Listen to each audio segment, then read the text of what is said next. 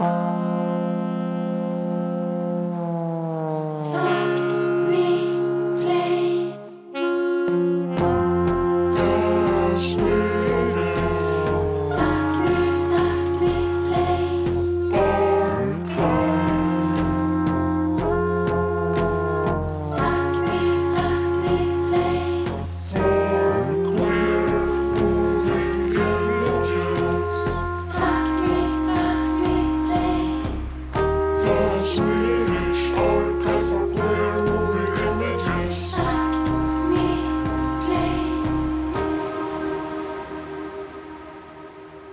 jag har fått stipendium innan så blir det som att jag befinner mig alltid i någon chocktillstånd. Att bara, vänta, har de gjort fel? Är det verkligen jag?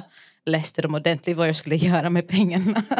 Ska vi hålla på med filmaktivism eller ska vi hålla på med liksom film? Det var en som ville att vi skulle liksom filma, vi skulle iscensätta eller visa en riktig upplevelse av rasism. Och vi var nej, vi vill inte göra det. Varför skulle vi göra något sånt? Alltså är det vår identitet? I det här avsnittet av Sápmi Play möter vi Blatty Queers i en inspelning från 17 november 2021 på Biovaland i Göteborg.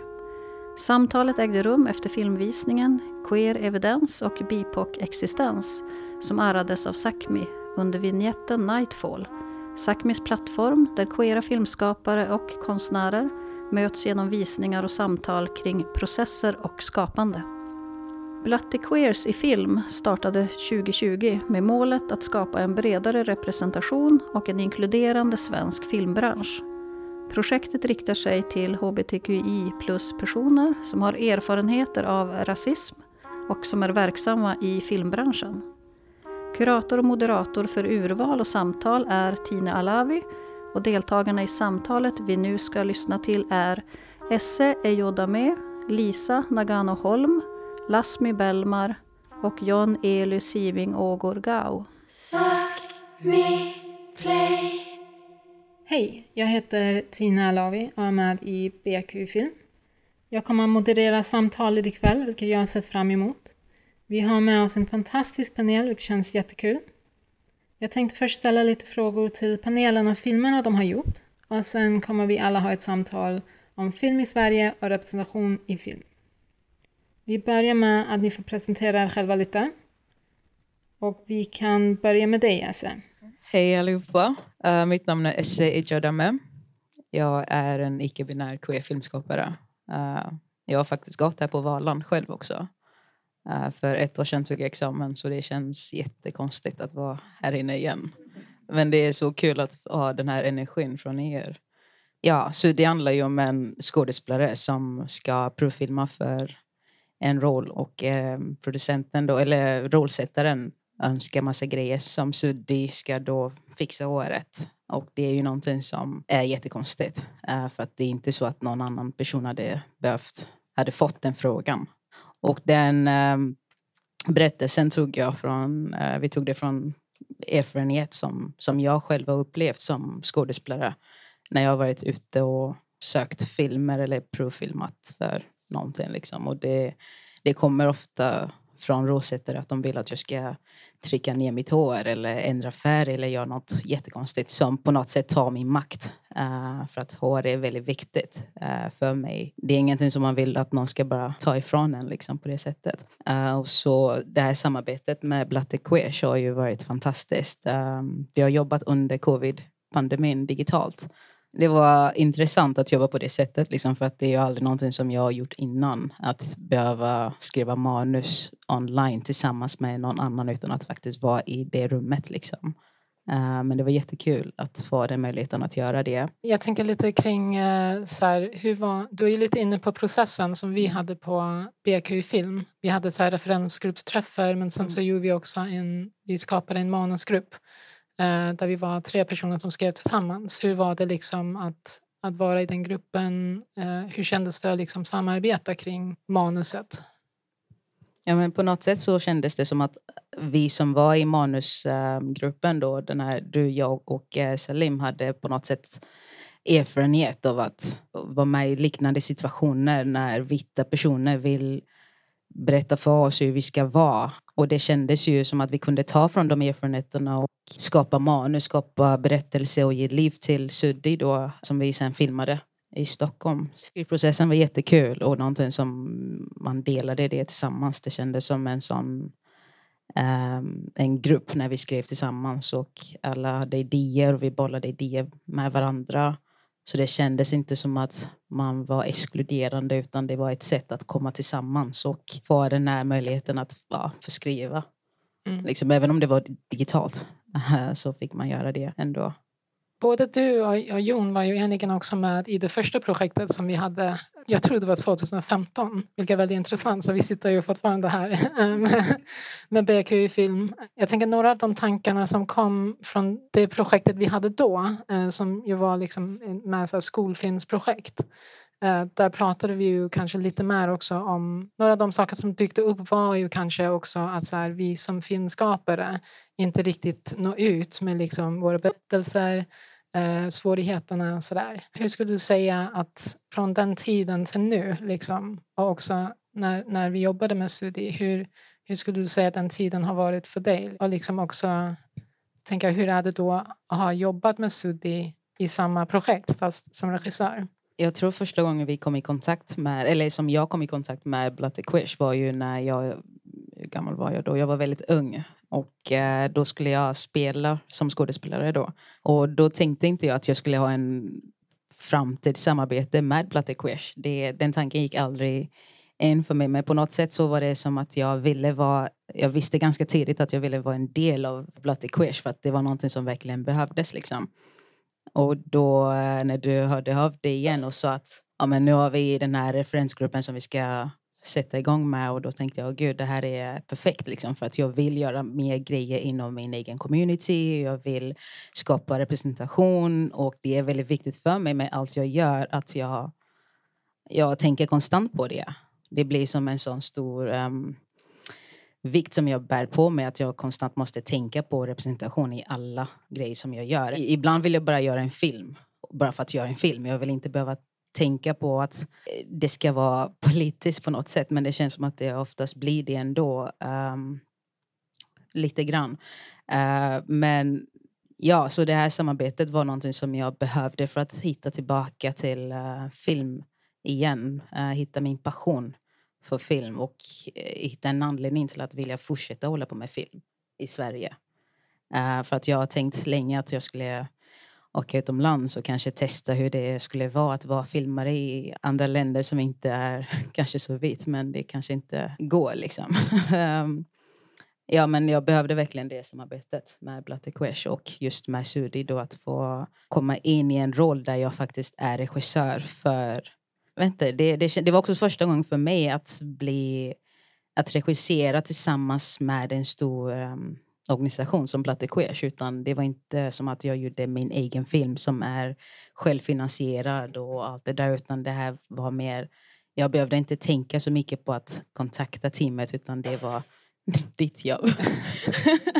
uh, men att, att söka skådespelare var en utmaning som jag hela tiden kämpar med liksom, i varje projekt som jag jobbar med. För att vi vill ju ha den här representationen men det är så svårt att, att nå ut till dem som vi faktiskt vill nå ut till känns det som. Uh, så när vi väl kastade folk så var det som att vi behövde tänka på så mycket.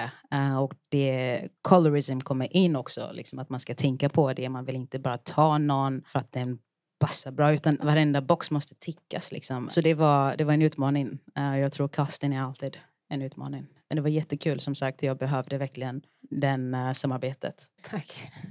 Jag tänker vi, vi går vidare men just casting kommer vi säkert komma in på igen. Um, uh, Lisa Lasmi, Hej, eh, jag heter Lisa Naganoholm eh, och jag är regissör för Rasul tillsammans med Lasmi.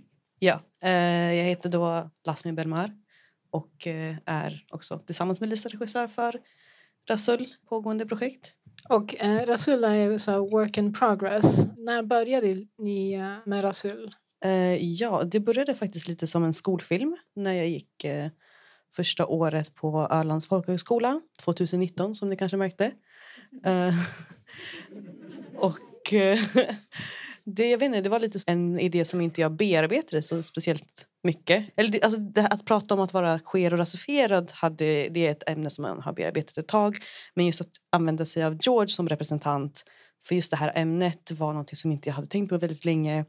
Och eh, han var verkligen någon eh, i mitt liv, men också Lisas liv, eh, som hade funnits där eh, genom vår introduktion till eh, den queera scenen. Eh, och det, den funkade väldigt bra för oss. Du kanske vill prata lite mer om vår relation till George? George har varit eh, vår lärare och mentor. Eh, vi gick båda på en konstkurs som han var lärare i. Och sen så bara blev vi vänner med honom. Och sen så eh, var det Lasmi som fick den briljanta idén att göra den här filmen. Och kontaktade mig. Just då så var jag i Japan, det är där jag är ifrån. Och eh, frågade om jag ville vara med och co-regissera den här filmen. Hur var produktionen? För det, det är ändå är två år ni har hållit på med, med filmen. Och vad är ni nu i processen? Egentligen så hade vi planerat att filma i Libanon förra året. Men det blev ju inte av såklart. Vi tänkte filma eh, när han skulle åka till Libanon Pride. Den första Pride i Libanon. Och också besöka hans kusin som också heter George, eh, som också är queer.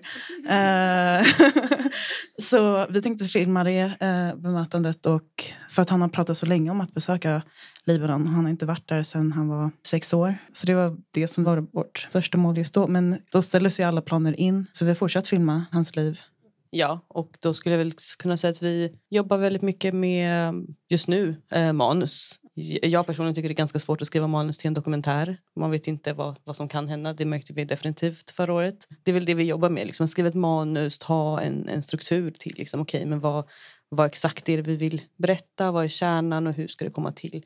Och då är det liksom som Lisa berättar att Libanon är vårt största mål. Liksom. För det är just det som är så intressant många gånger att vara queer och rasifierad i Sverige är att man har liksom ofta en sammankoppling till ett annat community också i sitt hemland för många. Och det är också där man finner sig själv på ett annat sätt. Är det där man kan säga att man liksom hittar hem eller inte? Eller vad, vad är det här fenomenet att liksom vara queer rasifierat i sitt hemland? Så det är också spännande och det kommer vara kul att utforska det.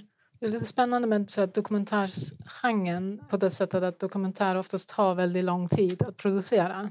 Jag tänker så här, har det funnits några så här utmaningar eh, hittills förutom då, pandemin? Eh, har, har det funnits liksom andra utmaningar? Everything. Nej, men, uh, hitta finansiering, hitta en producent. Vi vill jobba så mycket som möjligt med liksom queera och rasifierade personer Obviously så är vi ju flexibla, vi är inte liksom helt orealistiska. Men att vara ung, ny i branschen, icke-man, icke-vit, komma med en film som liksom är ganska groundbreaking inom dokumentär är svårt. Um, så jag skulle säga liksom, att bara få finansiering, vilket är A och O, har varit jättesvårt att hitta. Men också liksom just bara teknik och sånt. Alltså det går ju ihop med finansieringen. Det som jag tycker är så fint annars är ju just i vårt alltså community, man finner, finner så mycket hjälp från varandra. Liksom. Vi, vi hjälper dem och de hjälper oss. Liksom. Tack så mycket. Jon, om du vill presentera dig själv och sen så kan vi prata lite om filmerna. Jon Elis Joming Ogorgao heter jag. Det känns jättespännande att sitta här ikväll för jag har nog inte sett mig själv som filmskapare. Jag jobbar mycket med text och scenes och typ skapa kollektiva queera platser och Eh, så har jag gjort lite film vid sidan av. Ja, men du har ju gjort film då, eh, flera stycken faktiskt. Eh, på ett sätt lite filmskapare. Kanske... Ja, men, men verkligen inte kommersiellt. Inte som att jag någonsin har blivit bokad förut för att visa det. Mm. Eh, det har liksom funnits i mitt huvud och typ för mina vänner eller den som var intresserad av att se. Hur började processerna med filmerna? Är det från poesin eller musiken? Ja, ja men eh, allt är från början eh, poesin. För även låten är poesi först och sen samarbetar jag med min kompis som gör musiken. Det var ett tag, när är det här? Det här är våren 2019 så kommunicerade vi typ med WeTransfer i några veckor. Skickade saker fram och tillbaka. Jag sökte konsthögskola 2019 måste det varit. Och har då en iPhone jag eh, går runt och filmar min vardag. Typ. Och jag tänker att jag kan inte söka konsthögskola med bara text eh, så svart på vitt. Och har även nu när jag går konsthögskola behövt argumentera väldigt mycket för att text ska få finnas med. Men då klippte en, eh, tre minuter lång film av de här mina eh, vardagspromenader, tunnelbaneåkningar, smygfilma mina vänner när det gick, försökte vara diskret så att de inte skulle agera konstigt. Ja, och den, den första filmen ja, men var utifrån en dikt som också skrevs på tunnelbanan under några veckor. Allt har varit väldigt mycket i förbifarten i vardagen. Och så är det också med eh, den här musikvideon, om det var 2007. Jag var på massa olika ställen den våren och bara saker jag tyckte var fina eller saker jag tänkte att kunde bli någonting. Och det finns också så mycket film på min mobil som aldrig blivit någonting. Brevfilmen. Jag började i ett brev ja, som lite ambivalent är så här, brev till mig själv eller till transvården eller till random vit person. och den är lite mer genomtänkt för att jag typ skådespelar i den. Men det var också inte genomtänkt. Det var liksom, nu får jag feeling för att jag ska stå här i badrummet och göra whiteface och så gör jag det. Jag var på ett art residency på Artlab Gnesta och hade det här spacet att få göra konstiga grejer. Så att, eh, så hände den.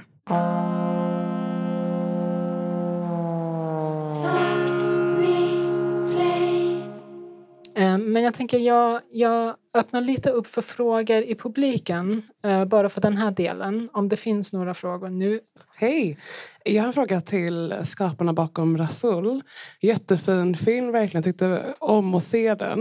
Men jag är lite nyfiken på, har ni bakgrund i film båda två? Och också hur var processen att filma? Jag är väldigt nyfiken på vad ni använde och lite så. Ja, eh, båda vi är eh, utbildade på Ölands folkhögskola, dokumentärfilm. Ja, och eh, innan Öland så tror jag inte jag har haft så mycket i praktisk filmutbildning. Mycket mer filmteori då. Men eh, just Rasol så filmar jag för det mesta med skolans eh, kamera. Tips om någon är typ intresserad av film då har de jättefina lärare där. Så verkligen. Men sen så har vi också filmat, eh, vi har lite egna enkla eh, system digitalkameror och de filmar vi med mycket och sen så för att få ljud, vilket är knas, ni hörde det, så är det verkligen bara hassle. Bara folk vi känner eller folk som är snälla nog att låna ut liksom myggor och eh, Zoom. Vi jobbar främst i Stockholm och då får vi jättemycket fin hjälp från Fanzingo faktiskt. Eh, äkta ungdomshus i Alby som det är någon som har en liten fot i, eh, i Stockholm och eh, vill hålla på med film så tipsar vi verkligen om Fanzingo också. Det, det finns väl säkert motsvarande i Göteborg också och i ja, andra städer. Eh, I Göteborg finns Göteborgo. De brukar vara på frilagret. Och de lånar också ut massa utrustning och sådär. Vi går in lite in på lite mer frågor om representation, tänker jag. Vi är ju lite vana att prata om det här, eh, skulle jag säga, eller hur? Um, men det kanske ändå är någonting som är bra att repetera eh, om och om igen. Men vad, vad är representation egentligen? Liksom, vad, vad, vad betyder det? Vill du börja, Esme? Ja, för mig är det väl att jag skulle vilja se um, mer av um, någonting som jag kan känna igen på duken eller whatever it is. Liksom. Att jag skulle vilja se någon typ av återspegling tillbaka men det, det händer väldigt sällan om inte jag själv också måste göra det. Så det är det som representation är för mig. Att jag, det saknas lite grann för mig. Inte ens bara hudfärgen, också queer, icke-binär. Um, och sen allt det där tillsammans blir ju också en stor grej som jag saknar väldigt mycket. Så antingen måste jag välja, välja en sida eller jag kan aldrig hitta allt i en och samma grej liksom, utan att behöva dela på det eh, och behöva förklara mig själv. Liksom. Ja, exakt den här upplevelsen av att behöva välja på en konferens i USA så har de ett bra tänk för de har så här POC, separatistisk, så här, våra bankbeds eh, grejer och en transseparatistisk. De är literally bredvid varandra och jag står utanför dörrarna och bara ska jag gå dit eller ska jag gå dit? uh, och så är det väl mycket i världen men också film och tv-serie och allt man så konsumerar tycker jag att man kan se att de tror att det är representation och typ de, då menar jag typ vita Hollywood eller någonting. Eh, de med makt och pengar som tar in skådespelare som rasifieras som liksom, här är en kropp du kan kolla på Men ofta den som skriver manus, den som producerar, den som regisserar. Alltså någonting skaver i många av tv-serierna jag tänker på. Där så här, ja men kolla, de har ju den här. Bara, ja fast den säger fett problematiska grejer, den beter sig inte så som jag skulle bete mig. Det är viktigt att det finns i alla led. Ja, alltså jag tänkte typ mer representation, det är viktigt. Men sen så, som vi pratade om tidigare idag, att bakom skärmen också extremt viktigt att det finns representation och inte bara på skärmen. För det syns på skärmen om det inte finns representation bakom skärmen. Just i perspektivet och hur det filmas och hur personen porträtteras. Det syns så tydligt. Jag tror det är extremt viktigt. Och det, jag tror också varför vi, eller varför jag gör film, eller varför vi gör den här filmen är just så att vi inte såg någon sån här film. Vi såg inte oss representerade. Och därför är det så viktigt för oss att vi på vår liksom, cast, de som jobbar med oss, är också queera och rasifierade. Ja, alltså det har varit liksom, eh, jätteviktigt för oss. Och jag tror också det har varit en, en inte en motgång, men det, är, det finns en, eh, en avsaknad av liksom queera rasifierade filmarbetare i alla led. Liksom. Det, det är svårt att få tag på de arbetarna. Jag tänker också att representation som begrepp för mig personligen har under de senaste åren blivit ett begrepp som är lite utvattnat. Just för att man har pratat om det i så många sammanhang. Och sen så har vi inte kommit någonstans mer än att de finns på en skärm. Men också ett kommersiellt syfte. Och det är sällan maktpositioner. Utan så här, ni finns men ja, det blir lite bread and circus. Liksom. Och då tänker jag, vad är det för representation som jag strävar efter eller som jag önskar eller som jag vill ha? Um, och då blir det för mig kanske lite mer av en representation som ger ett, um, ett erkännande som skapar en en möjlighet, en representation som så här, erkänner ens existens i fler roller än det som har blivit like, utkarvat för dig. Alltså, jag tänker på SS-film. Liksom, att det finns den här rollen och det är den rollen du får och det är den rollen du kan få och det är ingenting utanför det. Det finns ingen multifacetering. Och när man ser att det finns andra typer av casting eller andra typer av arbete överhuvudtaget, det blir ett erkännande av att ens existens, det blir ett erkännande av ens kapacitet eh, och det blir således också ett, en motivation för, eh, för andra att arbeta liksom, till det. Och det, alltså, det skapar bara möjligheter. Så, okay, men jag visste inte att jag kunde jobba som regissör eller producent. Oj, det blev jättefilosofiskt, jag är ledsen. Jättebra. Eh, så, yeah. Men ni är lite inne på det här med så här, också representation bakom eh, kameran. Uh, jag tänker på alla seminarier jag har varit på och såna saker med så här, mak makthavare inom film. Liksom. Det kan vara Svenska Filminstitutet eller liksom andra där de här koncepten om kompetens och kvalitetsfilm och så dyker upp. Eh, vad, vad är liksom era tankar kring, inte bara vår kompetens liksom, som så här, filmskapare men också så här, vart någonstans börjar vi för att kunna så här, ta oss igenom den där väggen? Jag tror att det är många filmskapare och i maktposition som behöver pensioneras. Uh, riktigt ärligt. det är mycket vita gubbar som tror sig vara över. Men alltså som vi såg på det också, BQ-film. Liksom. Det, det, är en gubbe som ska göra en film om en annan gubbe som ska cykla. Och så här, man bara... Ajt. och det är mycket mycket sånt. Alltså. Uh, medan samhället liksom har progressed typ 40-50 år och det, det, det, finns nya intressen. Liksom. Så sitter så här queera, rasifierade så här, håller for dear life i en film. Liksom håller typ vad heter den, eh, Paris is burning by a chokehold. Liksom. Och det finns liksom inte ingen svensk queer-film. Liksom. Torka aldrig tårar utan, utan handskar men det är en bögfilm. Liksom. Det är inte för alla man måste verkligen jobba på att ge plats till de här nya eh, och bara typ sopa golvet lite. Eh, för vi har ju stött på x antal såna gubbar alltså, som bara inte fattar grejen. Och man bara, men nej, det är klart inte du fattar grejen. Eller så här, va? Gå och gör din film om din skog och låt mig vara. Um. Det gäller så mycket i den här industrin att ha kontakter. Och då blir det de här personerna som är, ja, men känner varandra och så känner de varandra och så är det deras barn som känner varandra. Och sen så fortsätter det så i evigheter så blir det bara de här personerna som syns och får pengar. Och, eh, Medan personer som inte har de förutsättningarna att ha det nätverket eller ja, de kontakterna inte syns.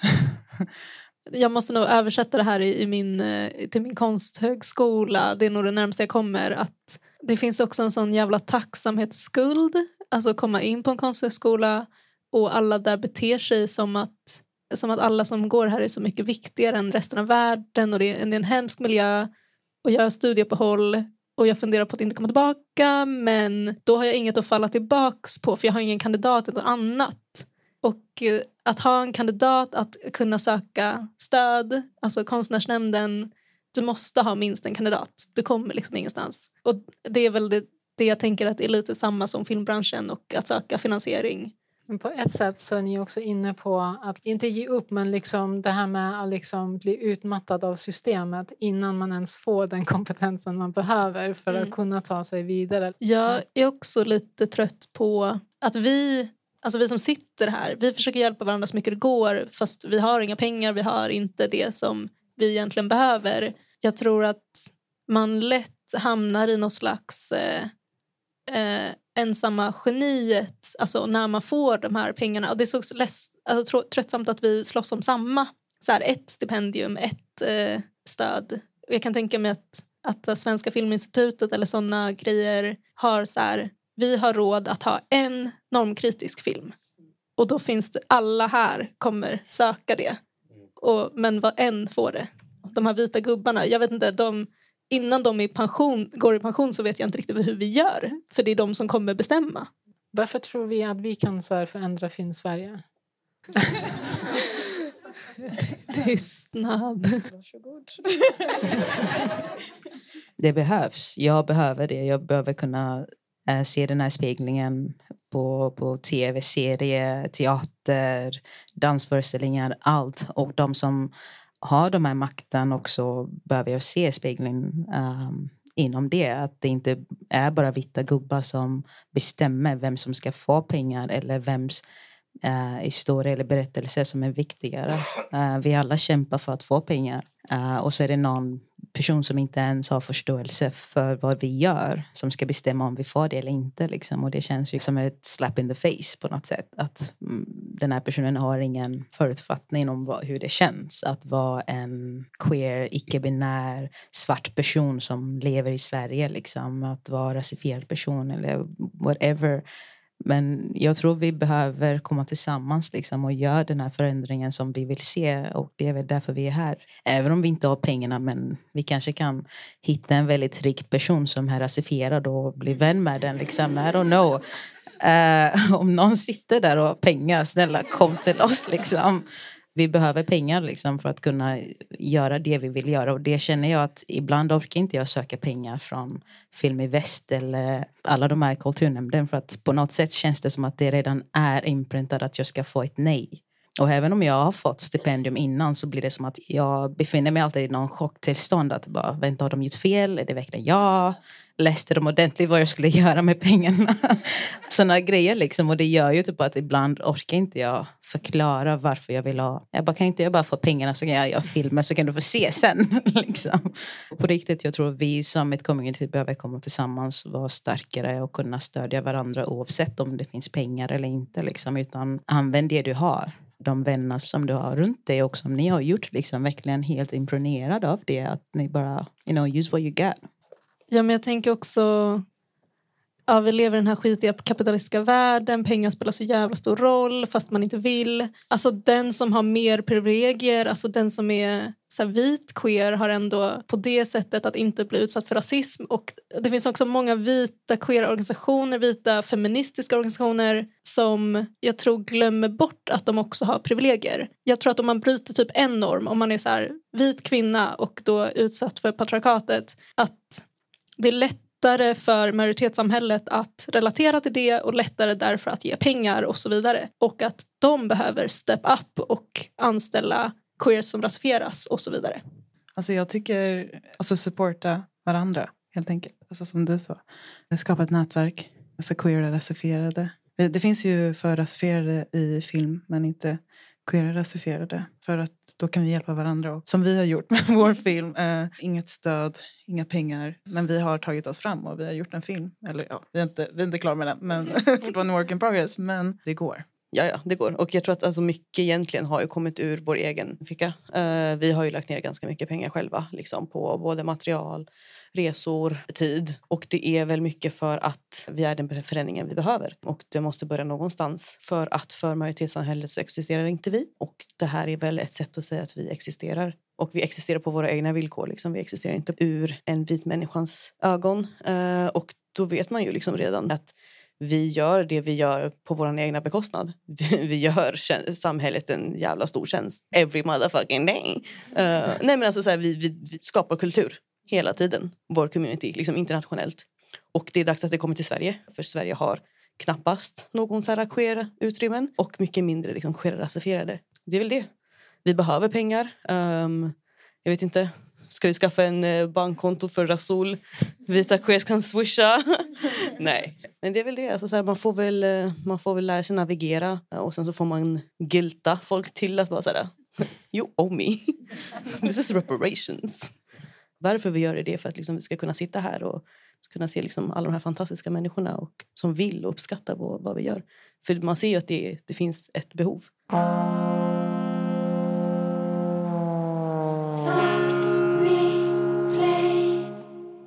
Jag vet inte, både gilla och gilla begreppet filmaktivism. Hjälp mig. Är det liksom vägen fram? Ska vi hålla på med filmaktivism eller ska vi hålla på med liksom film och komma in där och inkluderas i den världen? Eller ska vi liksom... Alltså för ni, förstår du vad jag menar?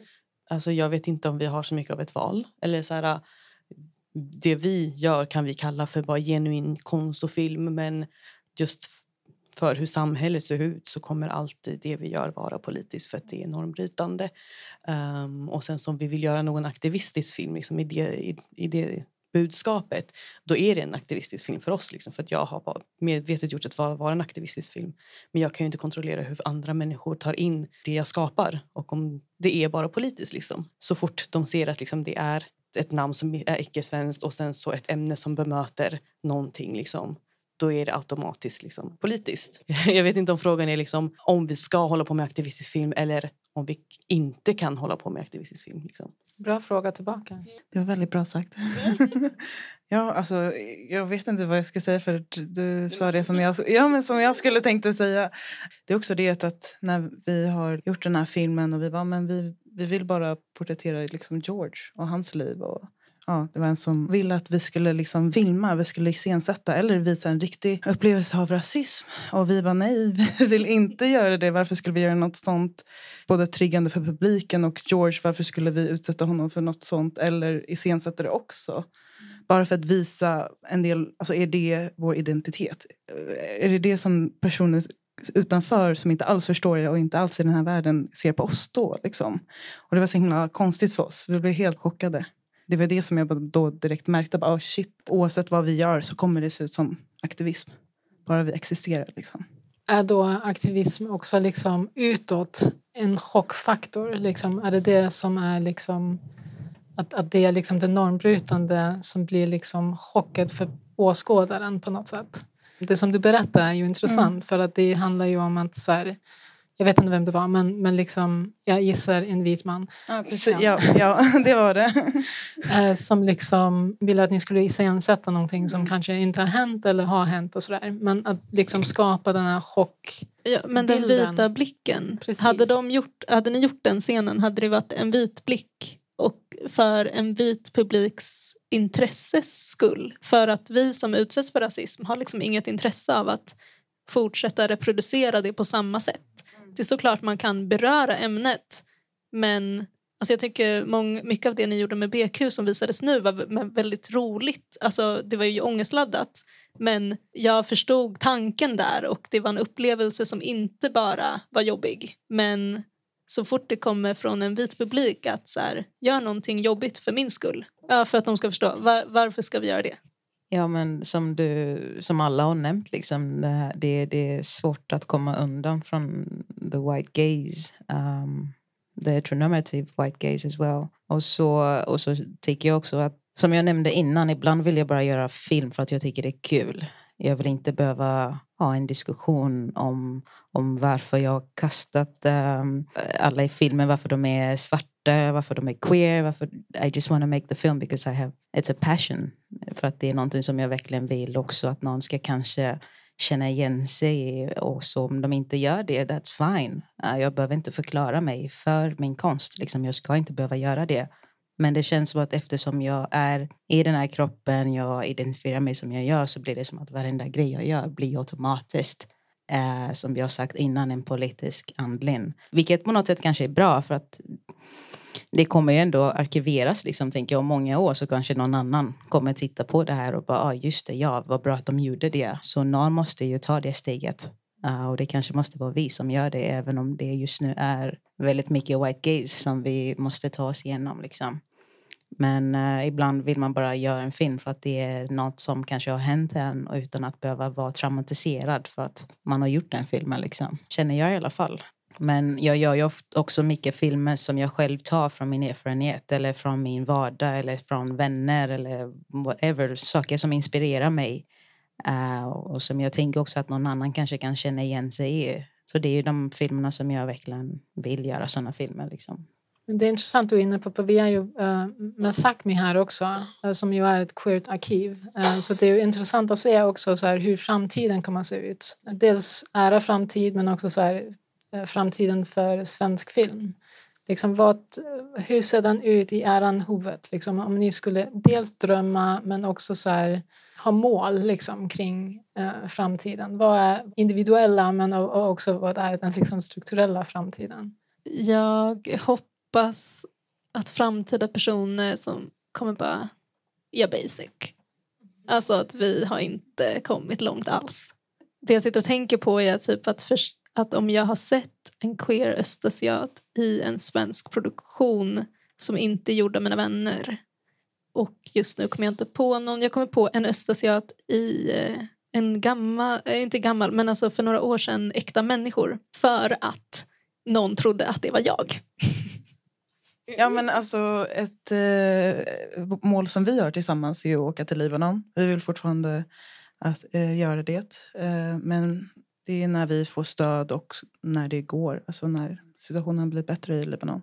Och sen att vi blir klara med filmen ett mål.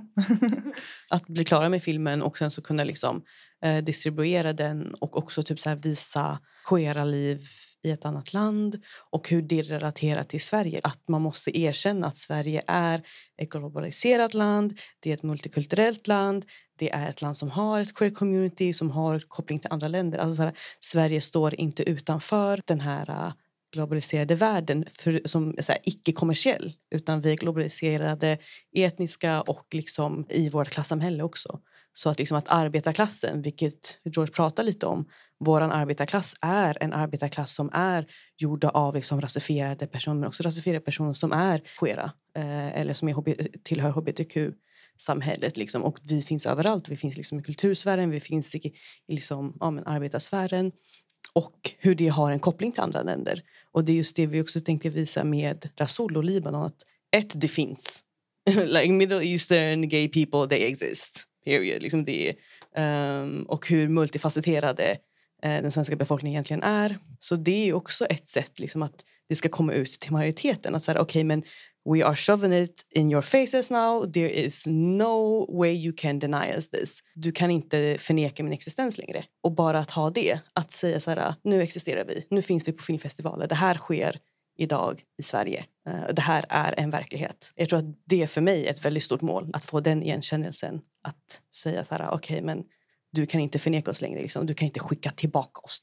Det är så här, var ska du skicka mig? Mina barn kommer fortfarande vara här.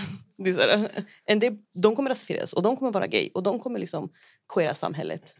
Uh, för mig tror jag att mitt mål största mål just nu, det finns så mycket, men att också kunna göra grejer som återspeglar min verklighet. Hur det känns för mig att vara svart, queer, icke-binär, eh, trans, allt det här. Liksom, att jag skulle vilja se mer av det på vita duken också serie, allt möjligt. Liksom, att det känns representerat. Och om inte så gör jag det själv. Jag har ju en bakgrund att jag kommer från Nigeria. Och det är ett land som kriminaliserat att vara queer-person. Och när jag åker dit så kan jag inte heller vara mig själv. Uh, och då undrar jag då när jag väl inte är där, hur känns det för dem som är queer att leva i, i ett sånt samhälle som försöker hela tiden trycka ner att de ska uttrycka sig, sig själva. Liksom. Så för mig är ett mål att uh, kunna göra en dokumentär om att bara vara i Nigeria. Liksom. Uh, hur känns det? För att jag har ju den här privilegiet att jag kan åka därifrån när jag vill. Jag behöver inte vara där men för de som är där så är det ju är deras vardag. Liksom. Medan när jag väl åker dit så är min vardag att jag måste igen gå in i en roll som inte jag är bekväm med bara för att göra massa andra människor nöjda. Liksom. Uh, sen är ett annat mål att fortsätta med min uh, dokumentärfilm Toxic uh, som handlar om våld i nära, i nära relation. Vilket är också någonting som jag tycker att vi behöver prata mer om i queera eh, communities. Att inte bara ignorera det för att det existerar mer än vad vi tror. Och det behövs också ett safe, ett safe eh, forum för att kunna prata om det. Och det är mångas vardag också att leva i våld eh, oavsett vilken kön det är den partnern är i, liksom, tänker jag.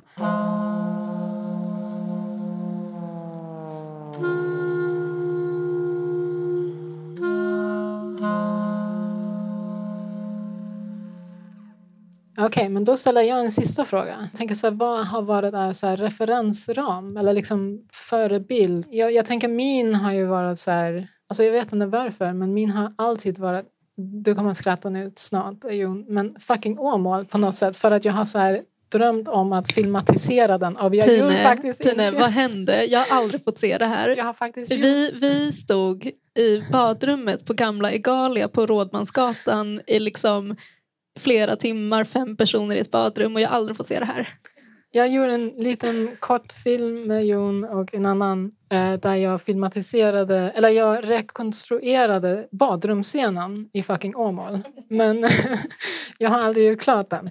Men det är också för att jag drömmer om att liksom eh, copy-paste hela grejen bara i ett annat sammanhang och göra den super annorlunda men samma story. Liksom som alla andra vita filmer. Bara göra samma sak liksom.